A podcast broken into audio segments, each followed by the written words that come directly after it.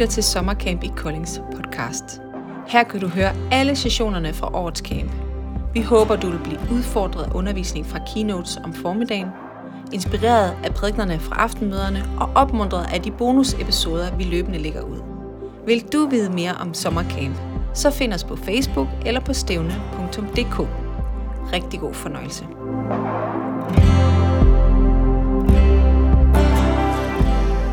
Godt at se jer, sommercamp. Dejligt, at uh, vi kan være sammen efter nogle års pause. Uh, og uh, jeg skal tale lidt i forlængelse af en optakt, som vi havde i, øhm, i Åben Kirke op til uh, den her sommercamp. Der tog vi samme tema på, nemlig enkel tro. Og, uh, og øh, så synes vi, så, vi, så havde vi varmet op under os selv til at komme afsted til sommercamp.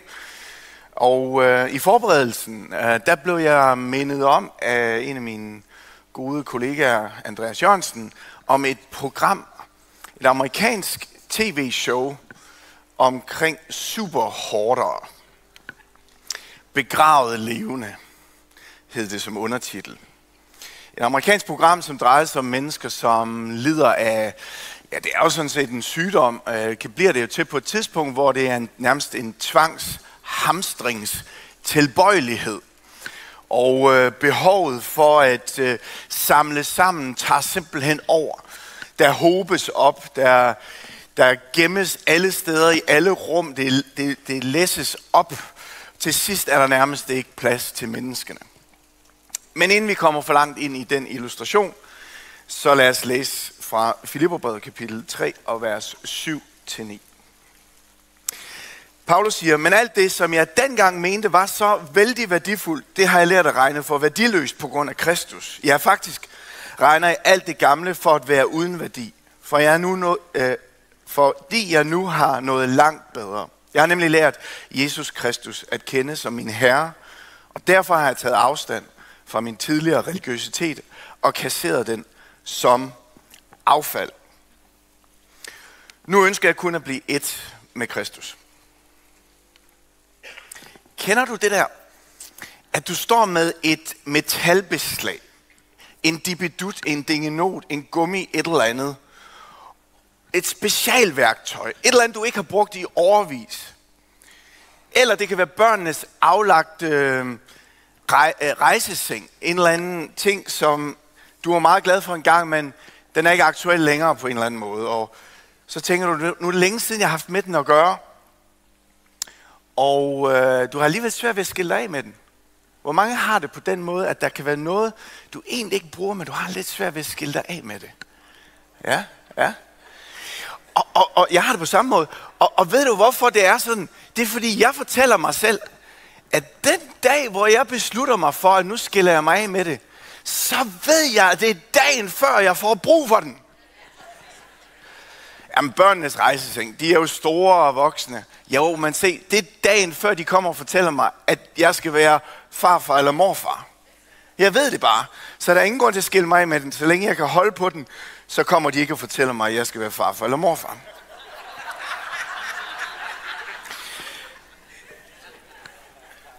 Der kan være et eller andet, du tænker, du har gemt et eller andet beslag, et eller andet virkelig specielt beslag, og du har ingen steder, det skal hænge henne. Men det er helt sikkert, den dag, hvor du skiller dig af med det, der har du en samtale med en, som fortæller om et projekt, han har hjemme i sit hjem, og så tænker du, det var det beslag, jeg skulle bruge og give til ham. Så han kunne have glædet sig over og kunne sige til dig, nej, du har da også alting. Ja, jeg var klar til den her dag. Og fordi man har den slags forestillinger, så holder man på nogle ting, som man bare egentlig ikke længere har brug for. Der er, øh, det er faktisk så meget et fænomen, så vores gode øh, poet, den øh, savnomsbundne og dygtige Pete Hein, har skrevet lidt om det. Jeg synes, det er et vældig fint lille gruk. Nu skal I holde fast. Vær klar. Spids ørerne. Den, som taber sin ene handske, er heldig i forhold til den, som taber den ene, kasserer den anden og finder den første igen. Altså, så længe man dog har den ene, så lever man da i håbet. Men når først du skiller dig af med den anden, så er håbet færdigt. Min titel er Levende begravet. Om hoarding, som det hedder på engelsk, men hamstring er vel det bedste ord på dansk.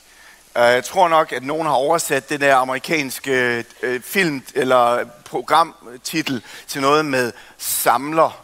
Men samler dækker overhovedet ikke, hvad hoarding er. Samler er jo noget, det kan man gøre på, øh, det kan være frimærker og mønter, og det er der jo ikke noget galt i, hvis nogen skulle sidde med en meget værdifuld frimærkesamling, så er det jo helt, helt grundlæggende anderledes end det, der er en hamstringsmani. I USA der regner man med, at 15 millioner mennesker lider af tvangs øh, hamstring. 15 millioner mennesker samler mere sammen, end de overhovedet ikke bare ikke har brug for, men hvor de har mistet kontrollen over, hvad de har samlet sammen. Jeg tænker, vi lige skal se nogle billeder. Hvad er det, vi snakker om? Hvorfor kan det være et problem? Her kommer først et billede fra en stue øh, af en såkaldt øh, hårder. Eller et billede her fra et kontor.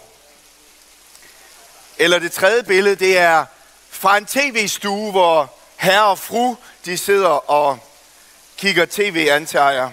Eller hvad de nu kigger på. Eller hvad med det sidste billede, som er et køkken. Der er også billeder fra toiletter, men jeg tænkte, vi skal beholde den gode stemning her, så vi lader det være. En af dem, som er i udsendelsen, han fortæller, hvordan det er noget tid siden, han har været på sit eget toilet. Man kunne ikke se det i udsendelsen, hvor det var hen. Det var der nede under nogle ting. Så tænker du selvfølgelig, hvad gjorde han så? Jamen, der gik han ned ad gaden, ned på den lokale tankstation, og så var det der, han ligesom havde sit, øh, sit sted. Øhm, og øh, det eneste, der var stadigvæk tilgængeligt i hans badeværelse, det var håndvasken. Der stod, var der ting, for, sådan ligesom en trakt ned af ting, og så dernede, der var håndvasken. Og der kunne han så lave lidt etagevask, og det har han gjort i nogle år. Første gang jeg personligt stødte på et menneske, som levede på den måde, var da jeg som ung mand i Vejle blev af min far spurgt, om ikke jeg ville øh, tage ud og besøge en mand, som han havde fået kontakt til. Jeg, jeg ved ikke helt om min far, det har jeg aldrig fået spurgt ham om, om han helt var klar over, hvad der han sendte mig ud til. Men han spurgte mig ikke, jeg havde lyst til at tage ud og snakke med en fyr, som boede i et kollegiemiljø. Han var lidt for gammel til at bo i det kollegiemiljø. Jeg ved egentlig ikke, hvorfor han boede der. Måske fordi, at de ikke orkede at få ham ud. Fordi da jeg øh, ringede på, og han åbnede op, så kigger jeg ind i det her sådan klubværelse. Med et køkken til den ene side, og stue, soveareal lige frem. Men der var bare sådan en sti ned igennem. Der, hvor han kunne sådan gå. Og så var der aviser. Forestil jer et klubværelse med aviser og mm, papirklip fra gulv til loft. Og et køkken, der lignede noget, der var løgn hvor der også kun var en sti ud. Gryder og madrester overalt. Og jeg tænkte, da jeg så det, hvad kan jeg gøre for ham? Det her er jo umuligt. Hvorfor hamstrer mennesker?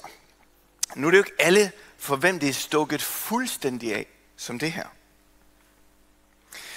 Ifølge øh, den engelske sundhedsvæsens hjemmeside, så er der sådan en beskrivelse af mennesker, der hamstrer, hvor der står sådan her, mange mennesker hamstrer på grund af stærke overbevisninger, relateret til det her med at erhverve ting eller kassere ting, som jeg nu startede ud med at give nogle eksempler på, vi alle sammen måske kan genkende lidt af. Men andre de kæmper for at klare sig igennem stressende livsbegivenheder. En elsket stød. Nogle stærke følelser, som man på en eller anden måde er overvældet af. Og det at samle noget sammen giver fornemmelsen af at kontrollere. Man samler noget sammen for at få en fornemmelse af, at man har taget en beslutning. Man har samlet noget op. Der er noget, man har styr på. Det behøver ikke at have noget som helst med at være interesseret i værdifulde ting. Det kan ikke beskrives bare som materialisme. Det drejer sig ikke, drejer sig ikke om at eje for værdiens skyld, men mere for handlingens skyld. De fleste mennesker, som hamstrer, har en stærk følelsesmæssig tilknytning til genstandene. En af de her mennesker, som i en af de her amerikanske udsendelser, jo åbenbart går med til at få sit liv udstillet. Hun er psykolog og har det her problem. Og man kommer ind og ser hendes hjem, og hendes tilknytning til hendes ting, der er stablet op overalt, er mindblowing. Så meget så, at da hendes børn på et tidspunkt som en del af programmet, der skal jo skabes noget drama i sådan en amerikansk udsendelse, så er der jo nogen, der kommer på et eller andet tidspunkt og begynder at læse ud med hård hånd. Så er hun nærmest villig til at smide sine børn ud og give afkald på sin relation til sine egne børn. Som psykolog er hun ikke i stand til at afkode sig selv eller give slip på hendes binding til tingene. Det er klart, den slags samlemani, som overtager en persons liv, kan gøre det virkelig svært for et menneske at leve. Det gør det svært for sociale relationer. Der er mange, det er mange år siden, når man bor sådan, som I så på billederne, at man sidst har haft en gæst. Det er mange år siden, at man sidst har haft håndværkerbesøg, hvis der var noget i huset, der trængte, trængte til at blive fikset.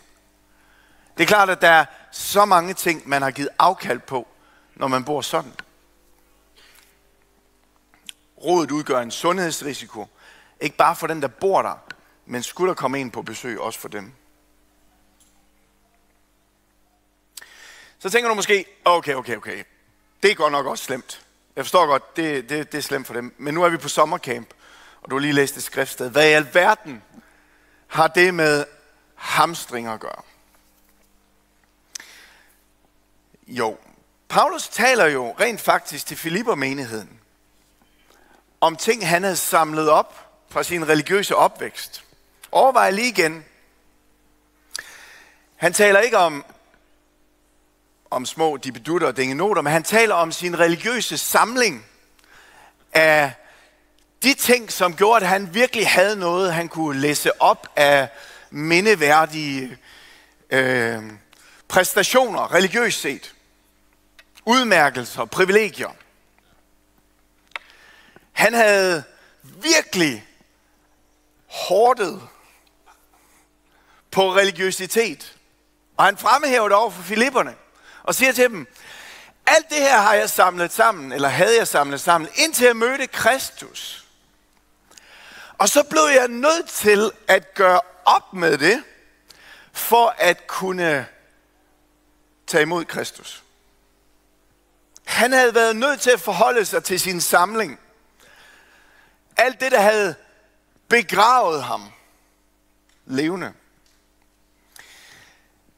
Han bruger faktisk et ord, når han skal beskrive, hvordan han pludselig fik en erkendelse af det, han havde samlet sammen.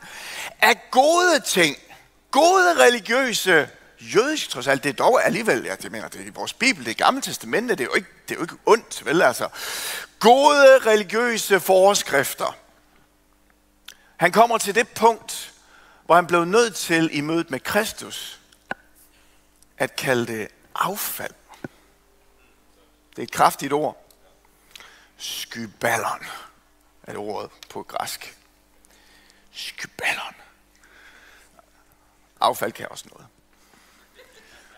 Men, men ordet dækker os måske mere end affald, dækker det over, øh, det er jo husdyraffald. Altså, det har vi andre ord for på dansk. Nu er det jo en kristen samling, vi er på her, men det er jo lort. Siger det ikke igen. Skyballon. Paulus han taler om alt det der religiøse, han havde samlet sammen, som bare blev, det var affald i perspektivet af Kristus. Det var værdifuldt til et punkt, men på et eller andet tidspunkt, så var det bare dynger af affald, der skulle øh, væk for at give plads. Det var gode ting, der havde haft en tid. Det var Guds forordning, hvis vi skal blive i det. Men i lyset af Kristus var der nødvendigt at give slip på det, som var godt for ham tidligere. Han taler om det, som at det var en direkte hindring for at modtage evangeliet. Om en Gud, der ikke har brug for vores godhed og præstation, men inviterer os til at fordele i hans godhed. Vi kalder årets tema for enkelt tro. Og det indikerer jo et eller andet sted også, så må der være noget, der hedder kompliceret tro. Måske det er det, Paulus han prøver at beskrive, når han taler om det her affald, han skulle skille sig af med. Han blev nødt til at gøre op med kompliceret tro. Tro, som han havde båret med sig. Ophobning af gode ting, som bare var blevet noget, der tårnede sig op og holdt ham væk fra Gud. I Korintherbrevet, 1. Korintherbrev, kapitel 1 og vers 18, siger han så, at selv, øh, for selv om budskabet om korset lyder tåbeligt for dem, der er på vej til fortabelen, så er, det, så er det for os, der er på vej til det evige liv, et udtryk for Guds kraft og visdom. Han taler om, at der er den der visdom, som han bare med sig tidligere, og så er der ordet om korset, som er det, som Jesus havde inviteret ham ind i.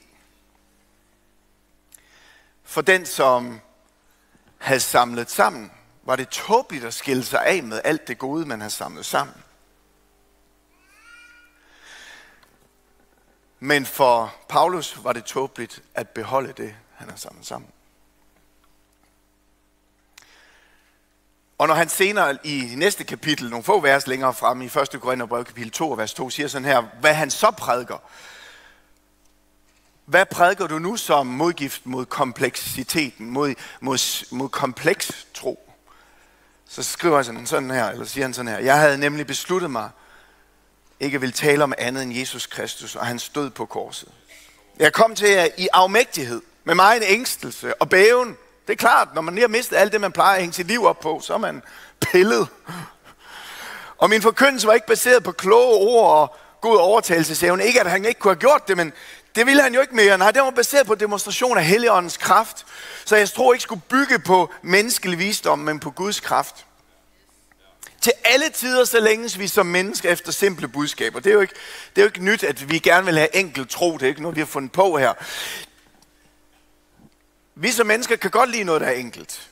Vi har det med at gøre det komplekst, det er jo en anden sag, men vi kan godt lide noget, der er enkelt. Nogle gange, når ting bliver kompliceret, så siger vi, når livet bliver komplekst, så, så har vi sådan små talemåder for ligesom at gøre det enkelt igen. Og en hver sin egen lykkes med. Og vi har sådan talemåder, som på en eller anden måde i tale sætter store perspektiver på en meget enkel måde. Gør, hvad du føler er rigtigt. Det bliver da ikke mindre komplekst af. Men uh, det lyder meget enkelt. Eller, eller en reklame, der siger, du fortjener det. Fortjener det? Hvorfor gør det? Fordi vi skal tjene penge på dig jo. Ja. Eller du kan sætte andre små lommefilosofier ind, som du måske har sat op i dit liv, for at gøre dit liv enkelt. Eller romerne kunne måske dengang sige, bare tilbede kejseren. Det var det valg, mange kristne fik, når de stod over for at frasige sig fra sig deres kristne tro. Det var egentlig ikke så meget at frasige sig deres kristne tro, det var mere, du skal også tilbede kejseren. Det er da enkelt. Det er et simpelt valg. Det er et simpelt valg. Kom on. Hvorfor gør det så kompliceret? Hvorfor dog ikke os? Bare lige. Vi har altid søgt ind i kulter og sekter og grupperinger, som gør tingene enkle for os. Måske politiske partier og budskaber, som på en eller anden måde bare gør det meget enkelt. Der, der er os, og så er der de andre. Det er dejligt nemt at forholde sig til, ikke? Der er dem, som bor her, og så er der alle de andre. Der findes kun to slags mennesker. Det er da nemt. Bare gør, hvad lederen siger. Bare nik, når han nikker. Bare sige halleluja på de rigtige tidspunkter. Eller amen, det er også en valgmulighed. Men når mennesker prøver at skabe enkelhed, prøv at lægge mærke til, hvad det så altid afstedkommer. Det er altid en regning, man udskriver til nogle andre. Det går altid ud over nogen andre. Enkelhed er som oftest på bekostning af mennesker et eller andet sted, som må betale prisen for, at du prøver at gøre din verden enkel. Vi siger, vi kan ikke rumme, det kan være nogen fra en anden kultur, som kommer til, så gør vi det dejligt enkelt. Vi lukker ved grænsen. Men det bliver en voldsomt kompliceret for nogen, som oplever at flygte fra krig og ikke kunne komme hertil. Jeg er stolt over vores land i forhold til ukrainere, som jeg er glad for, at vi kunne tage imod. Jeg kunne ønske mig, at det var fordi, vi havde lært af, hvor dårligt vi gjorde det tidligere, men jeg har sådan en fornemmelse af, at det ikke, så enkelt er det nok ikke. Vi deler hinanden op i grupper, stammer, sprog og farver og indkomstlag og familiebaggrunde og politiske ståsteder. Ikke fordi vi nødvendigvis har noget imod nogen i første omgang, men det gør det bare enklere, hvis vi kan gøre verden simpel. Men den form for enkelhed skiller mennesker ad. Vi behøver ikke lytte til folk, der er anderledes, når det er sådan, vi gør det enkelt. Det var øh, egentlig enkelt for Paulus at definere med sin opdragelse, hvem der var inde og hvem der var ude. Det var nemt for ham at sige, der er jøderne, og så er der alle hedningene. Der er kun to slags mennesker på jorden. Der er jøder, og så er der hedninger. Det er et super simpelt verdensbillede. Altså, øhm, så kunne man selvfølgelig gøre det lidt mere kompliceret, hvis man var af en særlig religiøs øh, overbevisning inden for jødedommen. Og så kunne man selvfølgelig sige, så er der de virkelig retskaffende. Så er der farisæerne, der er scenerne. Der er, vi kan godt lave nogle grupperinger, så, så bliver det lidt mere komplekst. Men stadigvæk grundlæggende konceptet er, at der er os, og så er der de andre. Men det er jo ikke kun jøderne, der lavede den der adskillelse, sondring mellem jøder og hedninge. Sådan gør vi som mennesker. Romerne, de levede med en høj grad af tolerance over for alle religioner. Altså, det var virkelig et pluralistisk samfund, hvor der var plads til alle. Måske lidt ligesom det samfund, vi også lever i. Den del af verden, vi lever i. Og alligevel ved vi godt, at tolerancen har en kant.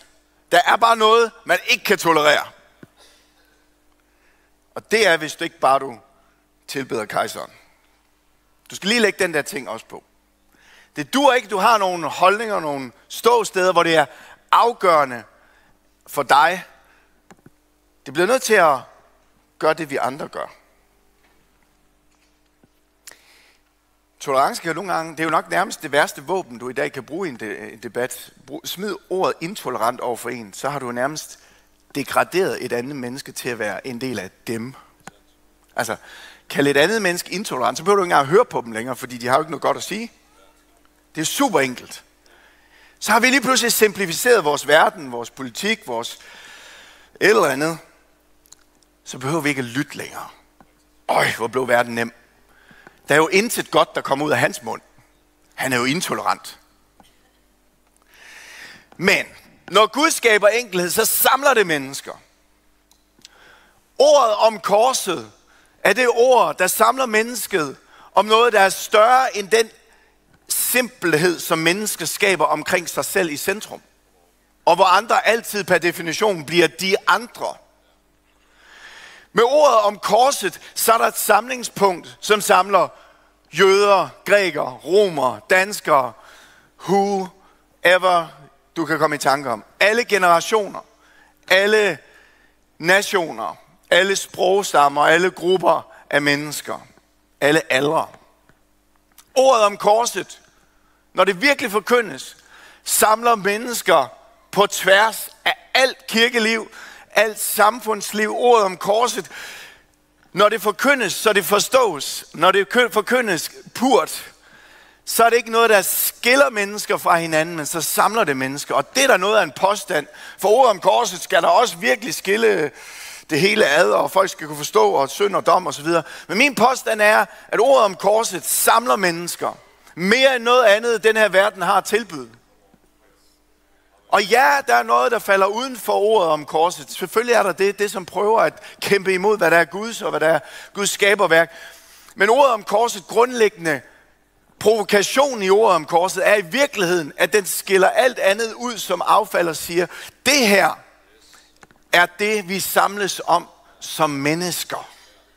Ikke som danskere, ikke som en eller anden etnisk gruppe, ikke som en eller anden sproggruppe, ikke som en eller anden generation. Jeg har et problem grundlæggende, når nogen definerer tro og kristenliv som en ungdomskirke, eller som en kun for, eller kun for den her, det her segment. Hvis ikke man ser sig ind i en større sammenhæng, mens man siger det. Fordi der er noget grundlæggende udfordrende i at gøre ordet om korset til noget, som er forbeholdt nogen få. Eller nogen, der er i et bestemt segment. Det ligner til forveksling noget af det, vi håber op i vores menneskelighed for at få kontrol over tilværelsen. Dem og os. Jeg vil bare lige nævne tre ting, som jeg i forberedelsen til, til det her øhm, tror, vi kan håbe ting op på. Ting, som er de stakke, vi bærer med os. Som vi bærer med os for at gøre livet enkelt. Men det bliver enkelt på vores præmisser, og ikke på Guds præmisser. Gode ting, som på et eller andet tidspunkt bare har brug for at møde Kristus. Og øh, de tre ting, dem vil øh, vil jeg prøve at dele med jer nu her. For nogle af jer, der vil I vide, at øh, Olofsgade 10 i Herning engang har været kirke for Åben Kirke og kirker før os. Apostolsk Kirke har ligget der i øh, 40 år godt, og ja, cirka 40 år. Og øh, i fredags, der afhændede vi nøglerne, efter vi i oktober solgte den og boede til leje i vores egen bygning. Vi har købt nye bygninger. Og, øh, men det var, en ting var at sælge den i oktober. Vi boede stadigvæk til leje, så det gjorde mm, kun marginalt nogle forskelle. Men i fredags var skæringsdatoen for, hvornår alt skulle være ryddet. Kan du høre, hvor jeg er på vej hen? 40 års generationer, 40 års kirker, klubber og grupper og aktiviteter, der mødtes, og nu skulle vi rydde det til på fredag. Vi har, vi har trukket oceaner af ting og sager, gode ting og sager ud af gemmer, hvor vi slet ikke vidste, de lå. Jeg har trukket, da vi skulle rydde ud, jeg har simpelthen fundet hele øh, øh, øh pakker med konkurrencer og spil og legetøj og alt muligt, som var i ubrudte emballage. Stoppet ind bag ved et eller andet sted i en eller anden gang, der nogen har søgt en eller anden fond, pulje, hvad ved jeg, et eller andet har fået noget, og yeah, det skal vi huske at bruge efter ferien. Bum. Og så er der nogle andre, der sat noget ind i foran, og inden, inden du ser det om, så har du bare lag på lag af gode sager, som i en fraflytningsperiode er, som Paulus siger, affald Skyballon. Fordi lige pludselig, så er det bare noget af det, du skal slæbe rundt på. Det der, det gik fra at være gode sager til at være en potentiel rygskade. Og når det kommer i de mængder, generationer af hengemte gode sager, så er det, der egentlig var en velsignelse, eller kunne have været det, eller startet sådan, faktisk Bare noget, vi skal have afviklet, og vi skal have det i den store container derude. Nu sidder du allerede og tænker, kunne jeg have hentet et stadigvæk velfungerende bobspil, eller sådan et eller andet. Og ja, det kunne tænkes, du kunne have gjort det, hvis du havde været opmærksom. Fordi jeg altså bare tænker, jeg kan ikke høre, hvad den her fuldstændig overforbrugende præst taler om fra nu af, fordi når man bare har smidt, vi har beholdt det bedste. Um, øhm det er ikke små mængder, man får hengemt af gode sager. Men gode sager hjælper os ikke altid. Den første ting er gode sager vi kan gemme stakke af, hvor vi indimellem har brug for at sige, okay, de her stakke, det er affald for mig nu. Det er erfaringer. Erfaringer, vi kan have mange gode erfaringer med os. Men selv gode erfaringer kan blive dårlige erfaringer, hvis de hindrer dig i at turde prøve igen. Du ved godt, erfaring det er jo visdom, du erhverver dig umiddelbart efter, du skulle have brugt den.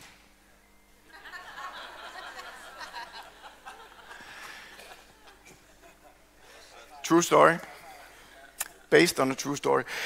Og øh, oftest tror jeg, der ligger i mange af vores erfaringer drømme, længsler, lidenskab, passion. Og indimellem nogle oplevelser af skuffelser, kampe, besværligheder, som kan ligge der som sådan en bitterhed, gnavenhed, eller opgivenhed, eller ligegyldighed. Hvis du øh, er bare lidt mere end 30 år gammel, så kommer der et tidspunkt, hvor der kommer et ung menneske hen til dig og fortæller om et eller andet genialt, man kunne gøre. Og du tager dig selv tænkende, ja, sådan tænkte jeg også, da jeg havde din alder. Eller, det har vi prøvet. Ja, jeg kan godt huske, da den sidste kom og sagde det samme. Jeg håber, du er stand til at tage dig selv i det, og så tænke, affald. Affald. Kom Jeg håber, du kan tage dig selv i at sige, det her, det skal ikke komme ud af mit hoved. Det skal ikke komme ud af min mund. Jeg skal ikke lukke drømmen, længslen, passionen i et andet menneske, som har brug for at gå nogle skridt med Gud, med det her, som Gud har lagt ham eller hende på hjertet. Erfaringer kan vi stable op i stakkevis i vores stuer og i vores køkkener og badeværelser. Vi kan være så erfarne og så, så prøvet i det, vi har gjort, at det kan blive umuligt for os at se ud af vinduet, og vi kan slet ikke invitere gæster ind i det rum. Det er, umu- det er umuligt at være derinde. Det er direkte sundhedsskadeligt. Det kan også være kampe, vi har haft med frygt, det er blevet til, hvor vi tænker, det der, det skal vi aldrig, aldrig, aldrig, aldrig nogensinde ind i igen. Det kan være fra konflikter. Det kan være tillidsbrud. Romerbrevet kapitel 12, vers 1 siger sådan her, at det er det gode, det velbehagelige og det fuldkommende, vi skal samle sammen. Men vi bliver nødt til at tillade, lad dit sind forvandles. Det er et interessant, en sand måde at sætte det op på. Gud skal bare forvandle jeres sind, kunne han også have sagt. Bare læn dig tilbage, og han skal gøre det.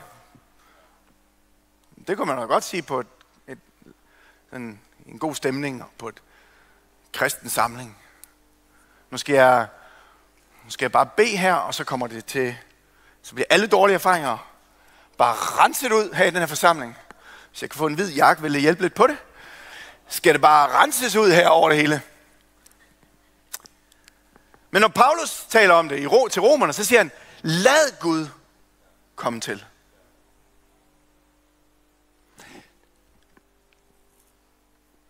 Et eller andet sted så minder han os om at give ham plads.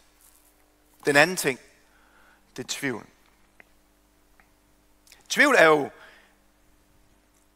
sædvanligvis, de der har hørt mig tale om tvivl før, vil jo sige, at øh, høre, øh, at det er mærkeligt, jeg tager det med på den liste her, for jeg taler normalt om tvivl som noget godt. Det er den anden side af tro. Det er en nødvendig del af tro. Hvis ikke du har tvivl engang imellem, så, så betvivler jeg din tro. Øh, der, der, tvivl er en, en livsvigtig del af det at tro. Det bringer dig tættere ind i troen og tættere på Gud. Så hvorfor er tvivl med her som noget af det, som jeg tror, du skal være opmærksom på, hvad du læser op? Når vores længsel efter enkelhed nogle gange måske har ført til, at vi har bygget vores tro på noget, der er noget, der skuffer noget, der ikke hænger sammen. Og vi bare læser det over til siden og siger, nå, lige meget. Den passage i Bibelen, den skal jeg bare ikke forstå. Eller, jeg skal åbenbart ikke forstå, hvorfor lederskab gør sådan der. De skuffelser, de kampe, det, det svigt, det, det, og videre, næste kirke, næste lederskab, næste øh, arbejdsgruppe, øh, noget andet. Jo mere du håber op af den slags, jo større er chancen for at blive levende begravet på et eller andet tidspunkt, hvor det vælter for dig. Den slags tvivl skal du ikke bare fagne, den skal du reflektere over. Den skal du tage fat i og så sige, hvorfor har jeg et issue med lederskab? Hvorfor har jeg et issue med Johannes åbenbaring? Hvorfor har jeg et issue med at vise tillid? Hvorfor har jeg et issue med mænd? Hvorfor har jeg et issue med kvinder? Hvorfor har jeg et issue? I stedet for bare at lade det håbe sig op, så tænk, hvad er det i mig? Hvad er det, der kalder på at blive ryddet op? Reflekter over din tvivl. Troen bliver kun dybere af at reflektere over sin tvivl. Altid. Det er kun den ureflekterede tvivl, der er farlig.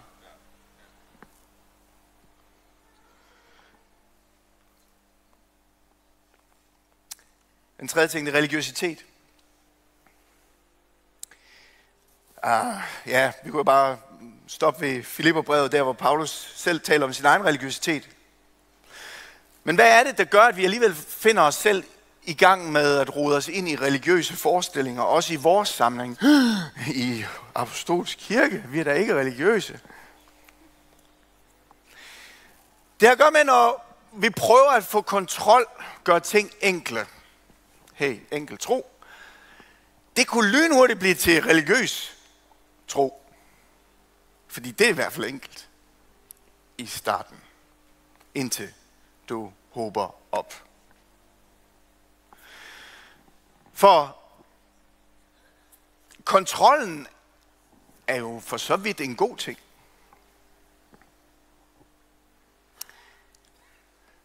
Det fører til regelbundethed, klarhed, men leder et eller andet sted ned ad vejen også til stolthed, selvtilfredshed, eller hvis det tipper til den anden side, opgivenhed. Jeg klarer det aldrig. Eller, yes, jeg har klaret den. Jeg er bedre end alle de andre. Eller, jeg klarer den i hvert fald bedre end ham derovre. Matthæus 11:28, det er Jesus, der selvfølgelig tager fat i netop det her med at håbe vores religiøsitet op, og han tager, siger, at tage, vor, tage hans å på sig, hans rabinske vinkel på det. Tag mit å på jer, og lær af mig, for det er let. Ja, men heldigvis så er vi jo så i Apostolsk Kirke. Det er jo da en, det er jo da en dejlig hjælp for os. Jeg har haft en bibelstudiegruppe, hvor vi gik igennem Johannes åbenbaring her for nogle år siden. Og der var en, som sad i bibelstudiegruppen. Vi gik vers for vers igennem Johannes åbenbaring, og det var en befriende oplevelse. En af dem, der var i gruppen, sagde på et tidspunkt sådan her, da vi var nået nogle kapitler ind, så siger hun, vil det sige, at jeg behøver ikke at gå og være bange at Johannes åbenbaring fortæller den os ikke om alt det, vi skal være bange for. Det du siger, det, jamen det, altså, det står jo der. Jamen, er det en opmundringsbog? Ja. Her er jeg gået i alle de år og tænkt, jeg skulle passe på, og jeg ved aldrig, og nu kommer antikrist, og det hele går galt, og det hele går på halen, det hele går snøvsen til. Jeg ved simpelthen ikke, hvor i alverden vi ender hen. Ah! Og så snart der kommer en ny amerikansk præsident, så har vi udråbt den næste øh, et eller andet. Det er jo til at blive vanvittig af.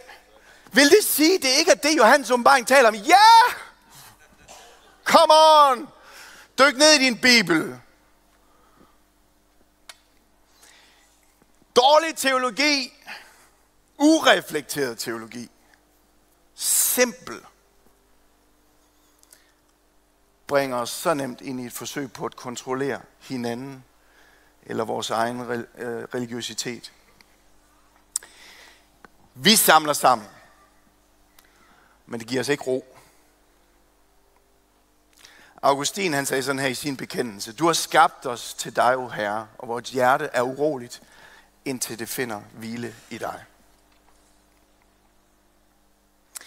Vi samler meget mere sammen, end vi har brug for, og nogle gange er det gode ting, men altid har vi brug for at reflektere over, hvad vi har samlet sammen og give slip.